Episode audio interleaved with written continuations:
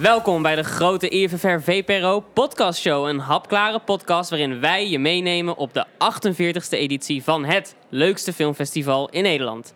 En waar zijn wij? We zijn in de Kino Lounge in Rotterdam. En wie zijn wij dan? Ja, wie zijn wij Hugo? Nou, ik ben Hugo Emmerzaal, filmjournalist en muziekjournalist. En schrijver, spreker en nog heel veel meer van IFFR. Ja, en ik ben Cesar Majoraan. Ik ben filmjournalist voor de VPRO, VPRO Cinema specifiek. En ik maak jaarlijks hier items op het filmfestival. En wij zijn jullie podcast-host, dus abonneer je daar vooral op, want dan ben je bij ons op IFFR Avontuur. Het is nu vrijdagavond 25 januari. We zijn bezig met de tweede aflevering met onder andere onze avonturen in het Meme Café. Wat een avonturen. Inderdaad. En wat voor een avontuur had jij daarna nog?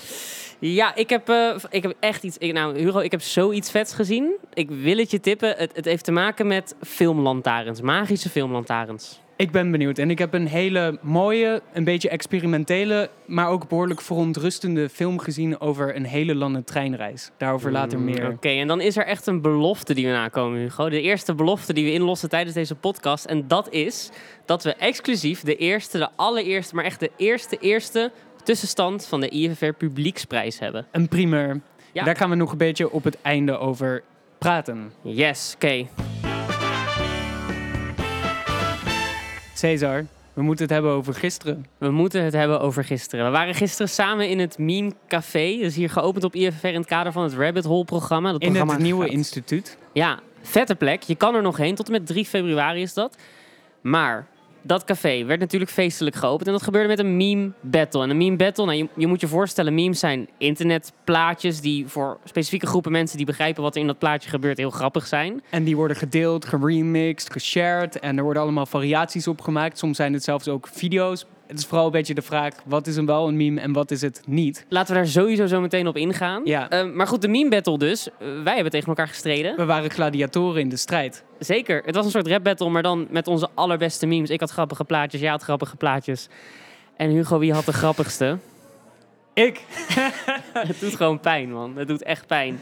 Ik heb de hele nacht niet kunnen slapen van dit verlies. Dat snap ik. Maar voor alle luisteraars, ik moet erbij vermelden. Je moest heel veel memes meenemen gisteren en ik had er niet genoeg mee. Dus toen ik doorging naar de volgende ronde, de het was een echte knockout battle, Mhm. heb ik een deel van, memes, van de memes van Cesar mogen lenen. Dus ik heb hem niet alleen verslagen, maar ik ben ook eeuwig gestaakt bij hem in het krijt. Dus dat vind ik dan wel weer een eh, mooie wederzijdse dienstverlening, zou je kunnen zeggen. Ja. Dank je wel daarvoor, Cesar. Zeker. En ik vind eigenlijk, het is wel typisch dat ik dan, zeg maar, ik had dus de memes geüpload op de computer, in een mapje gezet, Caesar memes. Jij hebt die memes weer gebruikt. Maar dat is natuurlijk heel typisch voor het traject van memes. Want iedereen stilt en pakt overal memes vandaan en die zwerven rond. Die hebben niet echt een duidelijke oorsprong of een duidelijk eindpunt. Gek genoeg was er gisteren wel een jury. En die jury die, die, die gaf een soort commentaar. Die zeiden dan welke memes zij grappig vonden, welke ze niet grappig vonden. De jury werd geleid door een 15-jarige jongen waar ik heel erg fan van Een ben. want- Nederlandse meme lord. ja, die jongen is Tobias, 15 jaar oud. Als je hem ziet in het café, doe hem de groetjes. Want deze jongen heeft dus een deel van de, ehm, de opstelling daar van het café bepaald. Die heeft een soort meme-retrospectief gemaakt. Wat hem Ja, echt met wel de goed beste memes is. van 2018. Zeker, dus dat begint... Nou, wat was de eerste meme van 2018? Ik kan het me niet eens meer herinneren. Ja, het begint volgens mij met dat eh, Paul- Logan Paul, de vlogger, een filmpje heeft gemaakt in het Suicide Forest in Japan. En daar opent hij dan zo. Nou, dat was een, een meme op het internet, dat ging rond. Want dat was zo gek dat die jongen daar zichzelf ging vloggen. Dat werd een rel. Nou, die rel, dat werd een meme. En die meme, die, dat was de eerste meme van 2018. En de laatste meme van 2018 was eh, eh, de YouTuber PewDiePie. Oh ja, Nou goed, als je dit soort dingen wil leren, hij heeft er een heel boekje van gemaakt. Ik vind dat dan heel grappig om dat te zien. Maar voor mij is de hoofdvraag wel bij het Meme Café. Wat voor rol heeft het op het festival? Vind je het er wel of niet bij passen? Een meme Ja. en film? Wat, wat is nou precies de, de, de, de, crossover daarin? Ja, dat is een goede vraag. Ik denk dat het sowieso heel boeiend is dat een filmfestival als IFFR aandacht besteedt aan de meme. Want het is een hele geldige vorm van visuele communicatie. Iedereen stuurt elkaar wel eens een meme via WhatsApp of via het internet om met elkaar op een bepaalde manier Mijn te schoonvader. Mijn schoonvader Kan je stuurt nagaan, als je met je schoonvader aan het memen bent, dan is het ook misschien wel eens goed om dat vanuit de context van een filmfestival bij stil te staan. Het mooie is denk ik vooral dat er veel informatie gewonnen kan worden, want memes zijn rare gevallen. Soms zijn ze ook heel politiek geladen. Kijk maar naar de presidentscampagnes van eh, bijvoorbeeld Trump of de Braziliaanse president.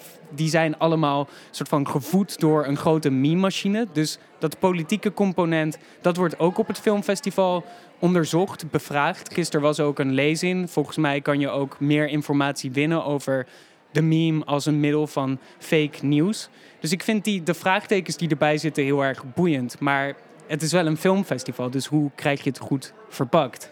Ja, ja, want kort gezegd, als je het gaat hebben over dat memes een politiek propagandamiddel worden. Dus bijvoorbeeld, je hebt de, de Peppe-meme, dat is een groene kikker. En die kikker, dat begon als een onschuldige groene kikker die het leven van ja, de, de eenzame incel. Dus mensen Ja, die de sad boys. Precies, verdrietige, eenzame jongens die in de kelder van hun ouders op het, op de, achter de computer zitten. Nou, die identificeren zich met die memes. Maar die meme werd op een gegeven moment een soort politiek vehicle. En daar Ja. gingen op een gegeven moment best wel eh, anti-Joodse, an- antisemitische sentimenten in leven. En op een gegeven moment groeit dan zo'n meme uit inderdaad tot een politiek middel. Maar het gaat nog steeds niet over film.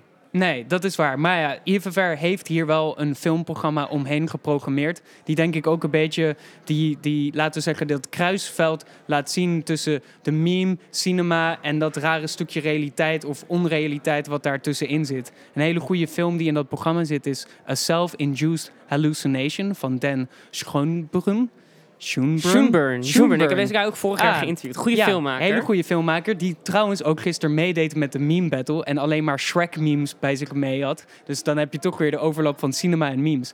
Maar ja, zijn documentaire gaat over de Slenderman. Wat op het internet een soort eh, mythisch horrorfiguur is. En Mhm. deze documentaire verzamelt allemaal YouTube-video's online die gaan over de Slenderman. En wat de film heel goed laat zien is eigenlijk dat als je je eh, echt heel erg gaat investeren in dit soort online fenomenen, dat het dan een hellend vlak is naar een steeds eigenlijk een bodemloze pit waar je uiteindelijk terechtkomt waarin niks meer werkelijkheid is. Hij laat heel goed zien hoe internetcultuur dus op een bepaalde manier de geest ook kan vergiftigen. Ja, want je, Ehm, je bent deze documentaire gaan zien in, in dat memecafé. Die kan je daar zien, toch? Nee, ik heb hem in. Dit is eentje die je echt kan zien als film op het filmfestival. En in Ah. het memecafé kan je dus ondertussen memes maken, memes delen, leren over memes. En er gewoon een beetje hangen. Want het nieuwe instituut is een best wel comfortabele plek. Ja, wat was er dan mimi aan de documentaire, behalve dat hij alleen maar internetbeelden... Uh, nou ja, Slenderman is zelf een meme. En hij onderzoekt dus eigenlijk de relatie die mensen krijgen met zo'n meme. Omdat het veel verder gaat dan een grapje. Het beïnvloedt ook de realiteit. In het, in het hart van het verhaal zit een misdaad die is gepleegd in het echte leven. Die te maken heeft met het verhaal van de Slenderman. En allerlei mensen op YouTube die zijn daar zo door gefascineerd. Dus die gaan zich dan daar weer zo in verdiepen en verliezen. En een beetje dat gevoel van dat, dat, dat verliezen in een internetmeme, in het verhaal van dat achter die meme zit, dat is waar die film over gaat. Ah ja, ja ik, heb, ik heb in het eh, nieuwe instituut, in het memecafé, heb ik dus eh, een serie videoclips gezien. En dat vond ik heel cool, want op het scherpst van de snede van internetcultuur zitten heel vaak gewoon videoclips. Ja, videoclips klopt. kunnen voor weinig budget snel worden gemaakt. En veel artiesten die groot worden op het internet, die willen natuurlijk ook wel een clip over die internetcultuur. Dus ik heb de clip Face Shopping gezien van Sophie. Oh ja, Sophie, geweldige clip. Geweldige, Geweldige artiest, artiest, ook. ook. Zij Ja. maakt dus, je moet je voorstellen, je zet je koptelefoon op, je zit achter een computer daar in het memecafé en je, je ziet die clip. Het is een gezicht van een vrouw en dat lijkt een mannengezicht, is een vrouwengezicht, is de artiest zelf. En die begint tegen jou te zingen en terwijl die zingt, valt dat hoofd uit elkaar. Ja, Nou, typisch iets wat in een meme hoort, omdat ja, memes altijd een beetje van vorm kunnen veranderen. ja Dus- ze zijn eh, te vervormen inderdaad. Zeker. Je hebt, je, hebt, je hebt bijvoorbeeld typische SpongeBob memes waarin SpongeBob echt helemaal niet meer als SpongeBob eruit ziet, maar dan heel slecht nagetekend is. Dat is dan grappig. Ja, dat is een meme. Nou, deze artiest heeft zichzelf ook helemaal zo vervormd. En ik vond die clip op die plek in het memecafé tussen de jongeren met de lampjes, dat was wel de, de meest logische plek om hem te zien. Dus daar vond ik het leuk. Maar ik vind zo'n Slenderman documentaire, ik kijk die dan toch liever. In de bioscoopzaal. Ja, Dat kan allemaal. precies.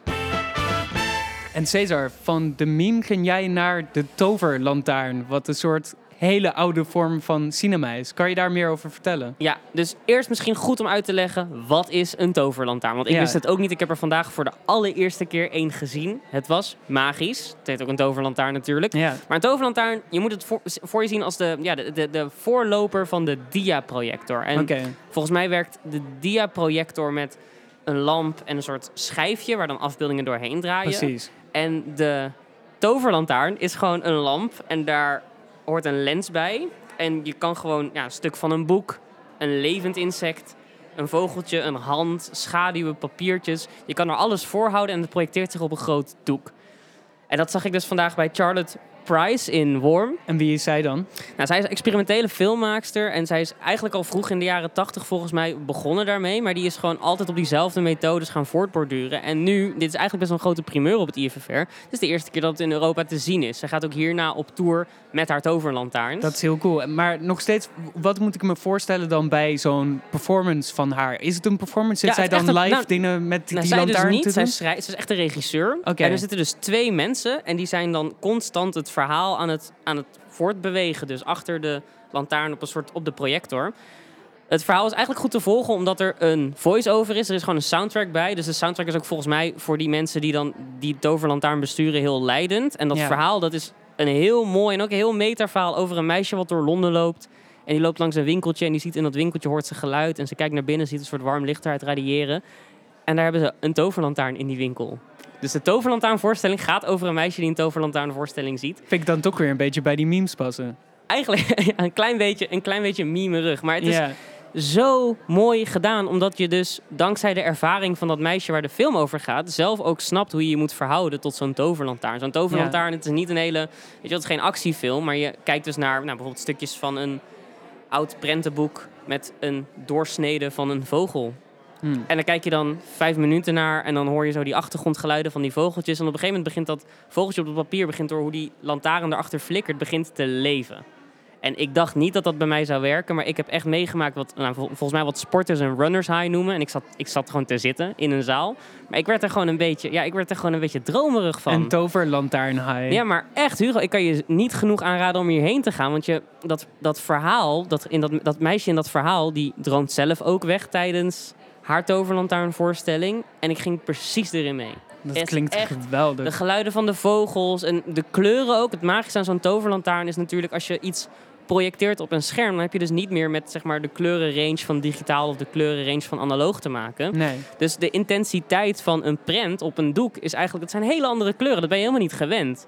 En dan komt het experimentele deel. Het is natuurlijk niet zo'n lineair verhaal. Het experimentele deel is dat er dus, voordat de Toverlantaarn-voorstelling er was, waren er dus korte experimentele films. Onder andere een van eh, Stan Brakhage, wat een hele Wat toffe... een echte legende is. Ja, de, de, de Ja. voorloper van de experimentele cinema. En hij plakte dus letterlijk dode insecten plakte hij op celluloid film. En dat Ja. vertoonde hij dan. En dat is een hele knappe manier om verhalen te vertellen... zonder dat je acteurs hebt, zonder dat je een script of een scenario hebt... maar gewoon met dode dieren in je blikveld. En toch voel je iets. Toch raakt het je.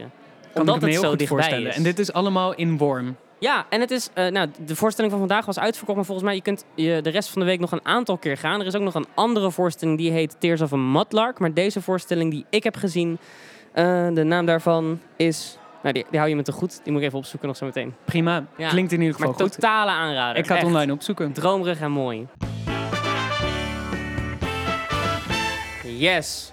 Hugo, voordat we verder gaan, ik heb snel tijdens de bumper nog even opgezocht. Dat heb je Het- snel gedaan. ja, en het is echt een lange titel. Eh, W.H. Hudson's Remarkable Argentine Ornithology. En Van het- Charlotte Price. dat is van Charlotte Price. En het programma waar het onder valt, waar dus ook die Stan Brakhage in zit, is The Wonders of Nature. In Worm, nu te zien. Klinkt prachtig. Over dromerige dingen gesproken. Ken je dat gevoel, Cesar, dat je in een trein zit en dat die trein zo lekker voorthobbelt en dat je een beetje in slaap wordt gesust? Intercity naar Den Helder, ja, ik ben er. Ken je, oké, dan heb je die te pakken. Maar ken je ook dat gevoel dat je in een trein zit en dat je heel erg bewust wordt, bewust wordt van hoe benauwend het is en dat piepende metaal en die Oh, wielen en ja. de remmen en dat soort De ochtendtrein naar mijn werk. Voilà, daar heb je hem. Nou, ik heb een film gezien, No Data Plan, van Mico Reverazza. Waarin een beetje allebei die gevoelens samenkomen, maar dan op een veel intensere schaal. Eh Mico hij is een Filipijnse eh, jonge filmmaker. Maar hij woont al meer dan 20 jaar in Amerika, maar dan illegaal, zonder verblijfsvergunning. Als hij daarvoor zou worden gevraagd en wordt, zou worden aangehouden, kan hij zo het land worden Maar uitgezet. wa- wacht even, En- maar hoe kan je dan filmmaker zijn? Want zijn naam staat hier heel groot. Ja, nou, dit is dus echt de underground filmmaker. Hij heeft nu zijn speelfilmdebuut gemaakt, of eigenlijk zijn documentaire debuut, maar zijn eerste landenfilm, waarin hij dus een treinreis maakt van Los Angeles naar New York. Dus hij gaat door heel Amerika met de trein, filmt dat ondertussen. Natuurlijk vanuit een hele benauwde positie, want hij zit gewoon steeds in de trein, op zijn stoeltje en wat dan ook. En ondertussen dreigt er steeds het gevaar dat er de grenscontrole komt, hem eh, aanhoudt of zijn idee wilt controleren. En dat blijkt, hij woont niet in Amerika. De reden dat hij dan alsnog zo'n eigenlijk best wel gevaarlijke reis maakt, heeft te maken met zijn familie. Hij komt uit de Filipijnen dus. Zijn moeder die woont ook in Amerika. Mhm. En die zit in een affaire verstrikt met een of andere jonge man. En die affaire zou wel eens kunnen betekenen dat hij en de hele familie het land moeten worden uitgezet. Maar dit leer je dan terwijl hij die reist, dan praat hij Ja, dit. nee, het mooie is, hij praat niet. Want je, de aandacht wordt helemaal gevestigd op die ervaring van in die trein zitten met hem. Dus al deze informatie zit in de ondertitels. Oh. Af en toe komt er een stukje ondertitel in en vertelt hij wat over zijn moeder. En over haar affaire. En over waar zij mee bezig Maar is. verder zit je volledig gewoon in een treinreis. Verder zit je volledig in een treinreis. En je ziet hem zelf ook eigenlijk niet. Je ziet alleen maar wat hij kan zien met zijn cameraatje. Dat zijn dus echt enorme close-ups van bijvoorbeeld eh, vlekken op de grond of het plafond. Of eh, je weet wel, die uitklaptafeltjes die je in de trein hebt als je op de stoel zit, die voor je zitten. Af en toe staat hij ook op, moet hij overstappen. Af en toe kijkt hij even uit een raampje. Af en toe gaat hij naar de achterkant van de trein en filmt hij hoe de trein eigenlijk vooruit gaat. En zie je zo dat spoor onder de camera wegschieten. Maar hoe blijft dit spannend? Nou, het blijft spannend omdat er dat constante gevoel van dreiging sowieso in zit. Er komt ook een moment dat grenscontrole echt misschien te dicht in de buurt komt. Oké, geen Er spoilers, Nee, nee, geen zien. spoiler Nee, nee, nee, maar er is suspense. Het is niet een soort film waar je echt bij in slaap sukkelt.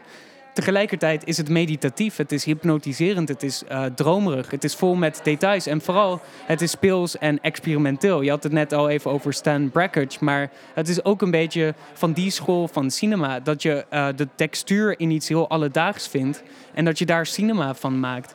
Er is een fantastisch moment dat hij met de camera helemaal meeschudt op al die lichtjes die buiten gebeuren. En dan, ik denk, iets doet met de exposure of met de camera-instellingen. Waar door eh, alles wat hij buiten het raam ziet gewoon één grote brei aan licht is.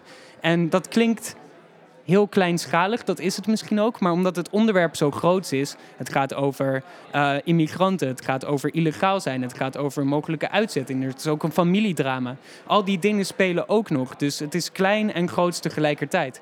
En het geeft een soort hele kleine, mooie micro-inkijkjes in het leven van normale Amerikanen. Want hij zit natuurlijk niet in zijn eentje in een trein. Af en toe hoor je stukjes dialoog van andere mensen. Af en toe zie je hoe een treinconducteur uit, uitstapt. En, En, een en dat zijn dus ook echte mensen die echt in die trein hebben gezeten. Die echt ook... Oh, wauw. Maar je Dit is mijn er- hobby bijna. Ja. Mensen afluisteren in de trein is mijn hobby. Dus deze film is...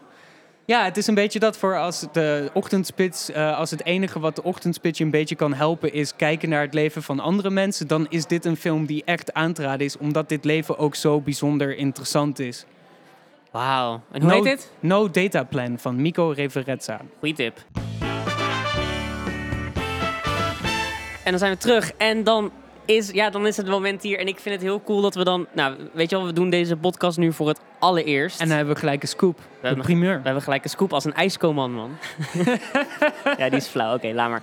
Nee, we gaan de publieksprijs. We hebben, we hebben de, kijk, we- als je naar de film gaat hier op IFR, je krijgt dus eh, eh, bij de aantal titels krijg je dus een scheurkaartje. Ja, Lever je weer in. Dat is jouw stem als het publiek. Je hebt dan echt een stem en er komt ook echt een prijsuitreiking bij kijken. En er is een tussenstand die wij hebben opgevraagd uit de krochten van de IFFR-kantoren. Zullen we de top 3 gewoon doornemen, Hugo? ja, laten we hem doornemen. Trap jij hem Ehm, af? Zal ik beginnen bij nummer drie? Ja. Nou, ik, vond, ik wil eerst nog even zeggen, ik vond het wel verrassend trouwens, deze top 3. Ja, ik had hem ook niet verwacht. Maar, en ik ben ook benieuwd wat er gaat veranderen. Maar daar gaan we het later natuurlijk over hebben. Ik heb ze ook pre- precies alle drie nog niet gezien. Dus dan hebben wij ook gelijk goede voornemens. Ik begin op nummer 3, Sons of Denmark van Ula Salim. Een film die in de Tiger-competitie zit, dus dat is sowieso interessant. Gaat over de 19-jarige Zakaria die de noodzaak voelt om in actie te komen tegen anti-islamitisch Denemarken. Klinkt Ja. spannend. Ja, en politieke films doen het ook vaak goed voor de Ja. publieksprijs. Dat is ook fijn dat er gewoon een geëngageerd publiek is wat denkt van ja, maar dit, dit verdient hem. Ja. En twee dan? Ja, twee beats. Ja, jij hebt mij beats getipt, hè? Want ja, we hebben allebei gezien. Climax besproken. Nou, gisteren in de podcast hebben wij het over Climax gehad van Gaspar Noé.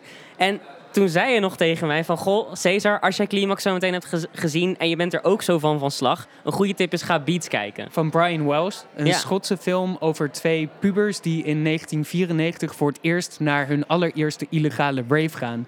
Waar Climax ook een beetje een nachtmerrie is over de rave, is Beats een beetje de utopische droom van wat een rave kan zijn. Een feel-good film dus. Ah, klinkt goed. Ja, ik, ik kan op YouTube altijd wel een beetje verslaafd raken als je wel eens van die oude rave-liedjes opzoekt. Dan staan Ja. er altijd comments bij van nostalgische ouderen die zeggen van ja, in de jaren 90 heb ik hier nog op gedanst. Ik was 16, we, sl- we slikten ecstasy, dit was de tijd. Zo'n film is dat dus precies. Het is Ja. precies die comment. Oké, perfect. Oké, wat is dan nummer 1? Dat is natuurlijk het belangrijkste. Ja, Is en nummer 1, Capernaum, toch? Ja, Ja, dat is hem, hè? Ja, van, Nadine, Labaki. En het coole aan die film is, ja, de premisse is zo logisch dat ik niet kan voorstellen dat dit de eerste film is met, eh, met, met deze synopsis. Namelijk een jongen van 12 die in Beirut opgroeit zonder enig perspectief, besluit zijn ouders aan te klagen. Waarom hebben jullie mij hier neergezet? Boom. Ja, klaag je ouders maar eens een keer aan. Ja, ik, ik ben heel benieuwd durven. naar die film. En ik, ik hoor al van heel veel mensen dat dit een lievelingetje is. Dus ik kan me niet voorstellen dat deze heel snel uit de top 3 verdwijnt. Nee, dat lijkt me sterk. Maar als er meerdere dingen gaan gebeuren in de top 10, grote veranderingen, grote nieuwkomers, dan gaan wij dat allemaal bespreken. Ja, Ik denk dat we ergens later ook een keer misschien wel de bottom three moeten doen. Zodat wil ik mensen- sowieso doen, ja. Maar dat allemaal Welke later. haten mensen? Voor nu zijn we denk ik wel op het einde van onze tweede aflevering. Dank voor het luisteren. Sowieso. Fijn dat jullie er weer bij, wa- bij waren. Willen jullie meer luisteren, horen, beleven? Abonneer dan alvast op deze podcast via iTunes, Spotify of jouw favoriete podcast-app. Want wij zijn er iedere dag. Ja. En abonneer natuurlijk ook op de kanalen van IFFR en VPRO Cinema. En dan blijf je altijd op de hoogte van al het goede filmnieuws en wat er gebeurt hier. En wil je ons volgen, Cesar of mij? Check ons dan op Twitter. Ja, ik, of ben, Instagram of trouwens. Instagram kan Instagram mij gewoon. Cesar Forever op Instagram. Ik ben Hugo Emmerzaal op Twitter. Heel makkelijk. Te gek. Oké, dan, dan was dit hem Hugo. Tot morgen. Tot morgen allemaal. Jojo.